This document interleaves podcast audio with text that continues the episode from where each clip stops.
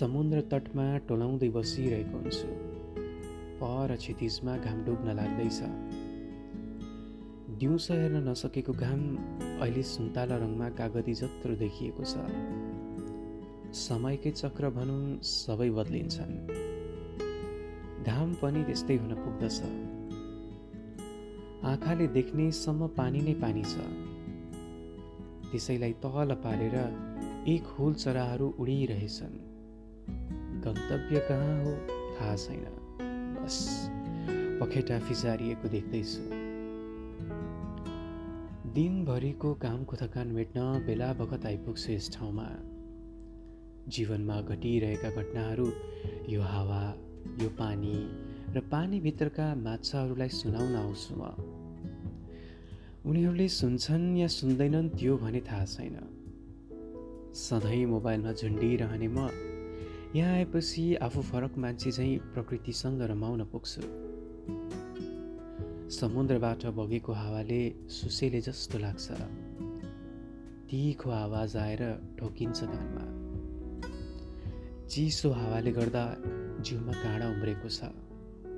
पानीको छाल ढुङ्गामा ठोकिएपछि बन्ने बाफले चस्मा ढाक्छ बेला बेलामा। चस्मा पुस्न टी सर्ट तन्काउँछु पुछिसकेर आफ्नो दुईवटा कानमा अड्याउँछु ध्यान दिएर उही पुर्याउनु दृश्यमा घोरिन थाल्छु जहाँ एउटा मान्छे माछा मार्न बल्छी हान्दैछ। माछा भरेछ क्यारे बल्छी हल्लिन थाल्छ। उता बल्छी हल्लिने र यता आफ्नो फोनको घन्टी बज्ने एकैचोटि भएको छ। उठाउँछु र भन्छु हेलो। उताबाट कता हो? अहिलेसम्म मलाई कल नगरी बस्न सके है? भन्ने प्रश्न तेर्स्याउँदैछे मुस्कान। मुस्कान माने मेरी प्रेमिका।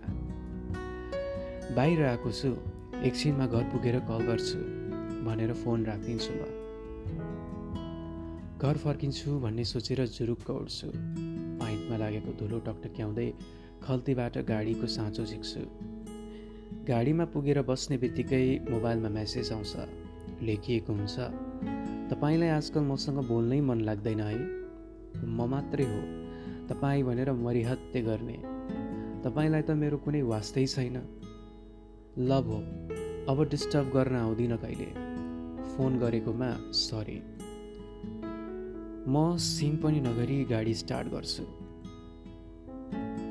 आजकल एउटा कुराले मन विचलित छ। काम गर्दै गर्दा होस् या गाडी चलाइरहँदा आफू आफैसँग मनमा गुम्सिएर बसेको एक प्रश्नको जवाफ खोज्दै हुन्छु। आफू आफैमा हराए झै लाग्छ अचेल। ध्यान केही कुरामा दिन सकेको छैन। काममा पनि सानो सानो गल्तीहरू गरिरहन्छु। के भइराखेको छ मलाई आफैसँग अनभिज्ञ छु। माया गर्ने परिवार आफन्त साथीभाइ नाता गोता सबै त साथै छन् तर पनि मलाई किन कोही छैन झैँ लाग्छ। मलाई आफ्नो सबैभन्दा ठुलो तागत मान्ने मेरी प्रेमिकालाई पनि अचेल मैले त्यो विश्वास दिलाउन सकेको छु भन्ने कुरामा विश्वस्त हुन सकिरहेको छैन।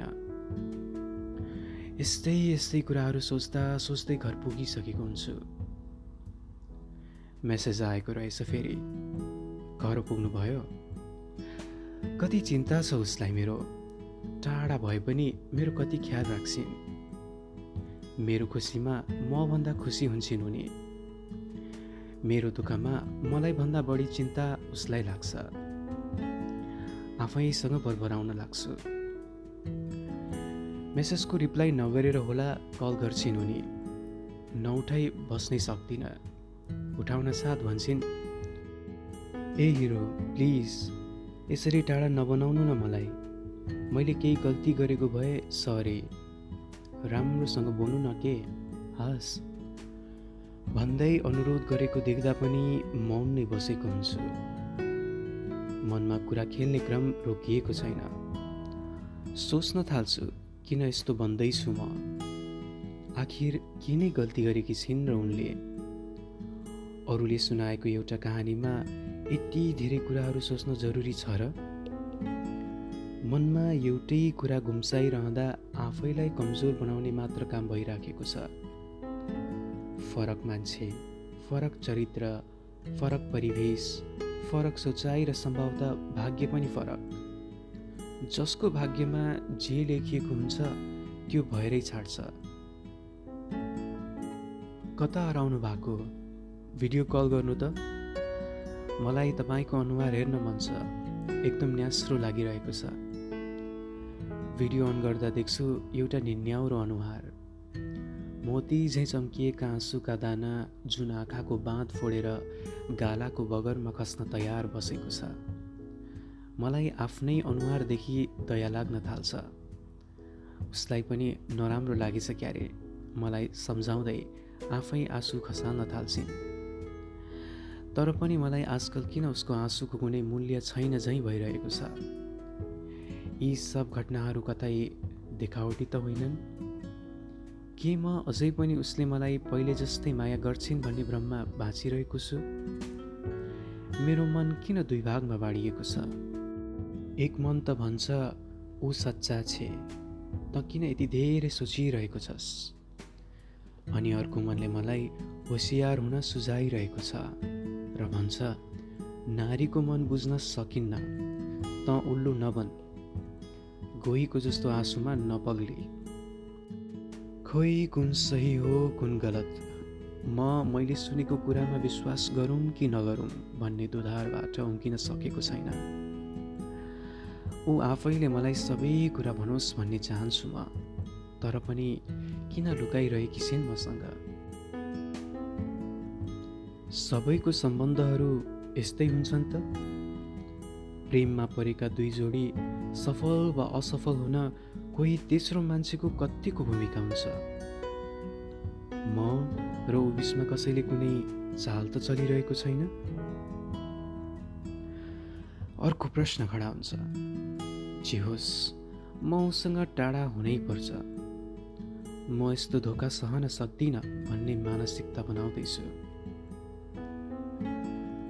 ओ हिरो कता टोलाको के? ह्या भन्दै रिसाउँछिन् नि। म केही नबोली फोन काटिदिन्छु। मध्यरातमा बिउजिसकेपछि फेसबुक खोल्छु। उसको पन्ध्र मिस कल र बिस मेसेज आएको हुन्छ। म उसको मेसेज नखोली एलिनासँग च्याट खोल्छु। एलिना मुस्कानको काकाकी छोरी। ऊ हाम्रो भेटघाट हुँदा कैयौँ पटक सँगै आएकी थिइन्।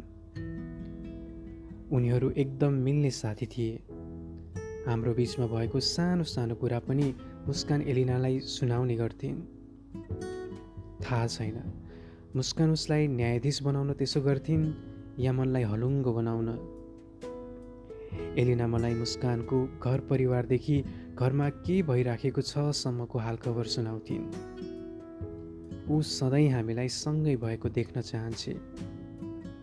मुस्कानलाई सधैँ मेरो ख्याल राख्न र म जस्तो केटा नपाउने बताउँछे।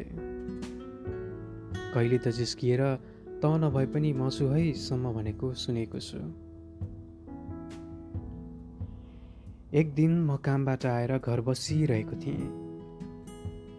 नौ बजे प्राय सुतिसक्ने म त्यस दिन भोलिपल्ट बिदा भएकोले एघार बजेसम्म सुतेको थिइनँ।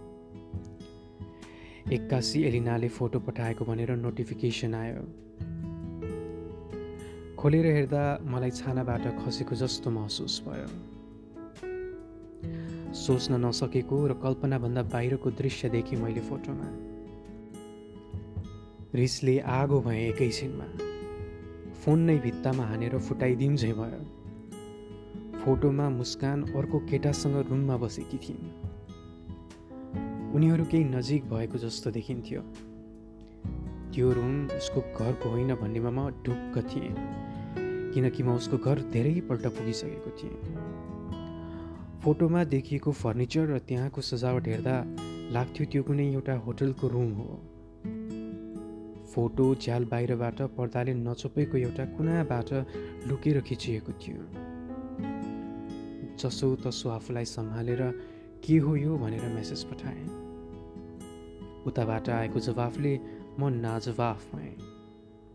मेरो संसार उजाडिएको महसुस भयो।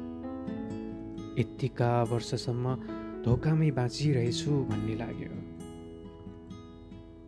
एलिनाको रिप्लाई थियो यो तपाईँको सौदा।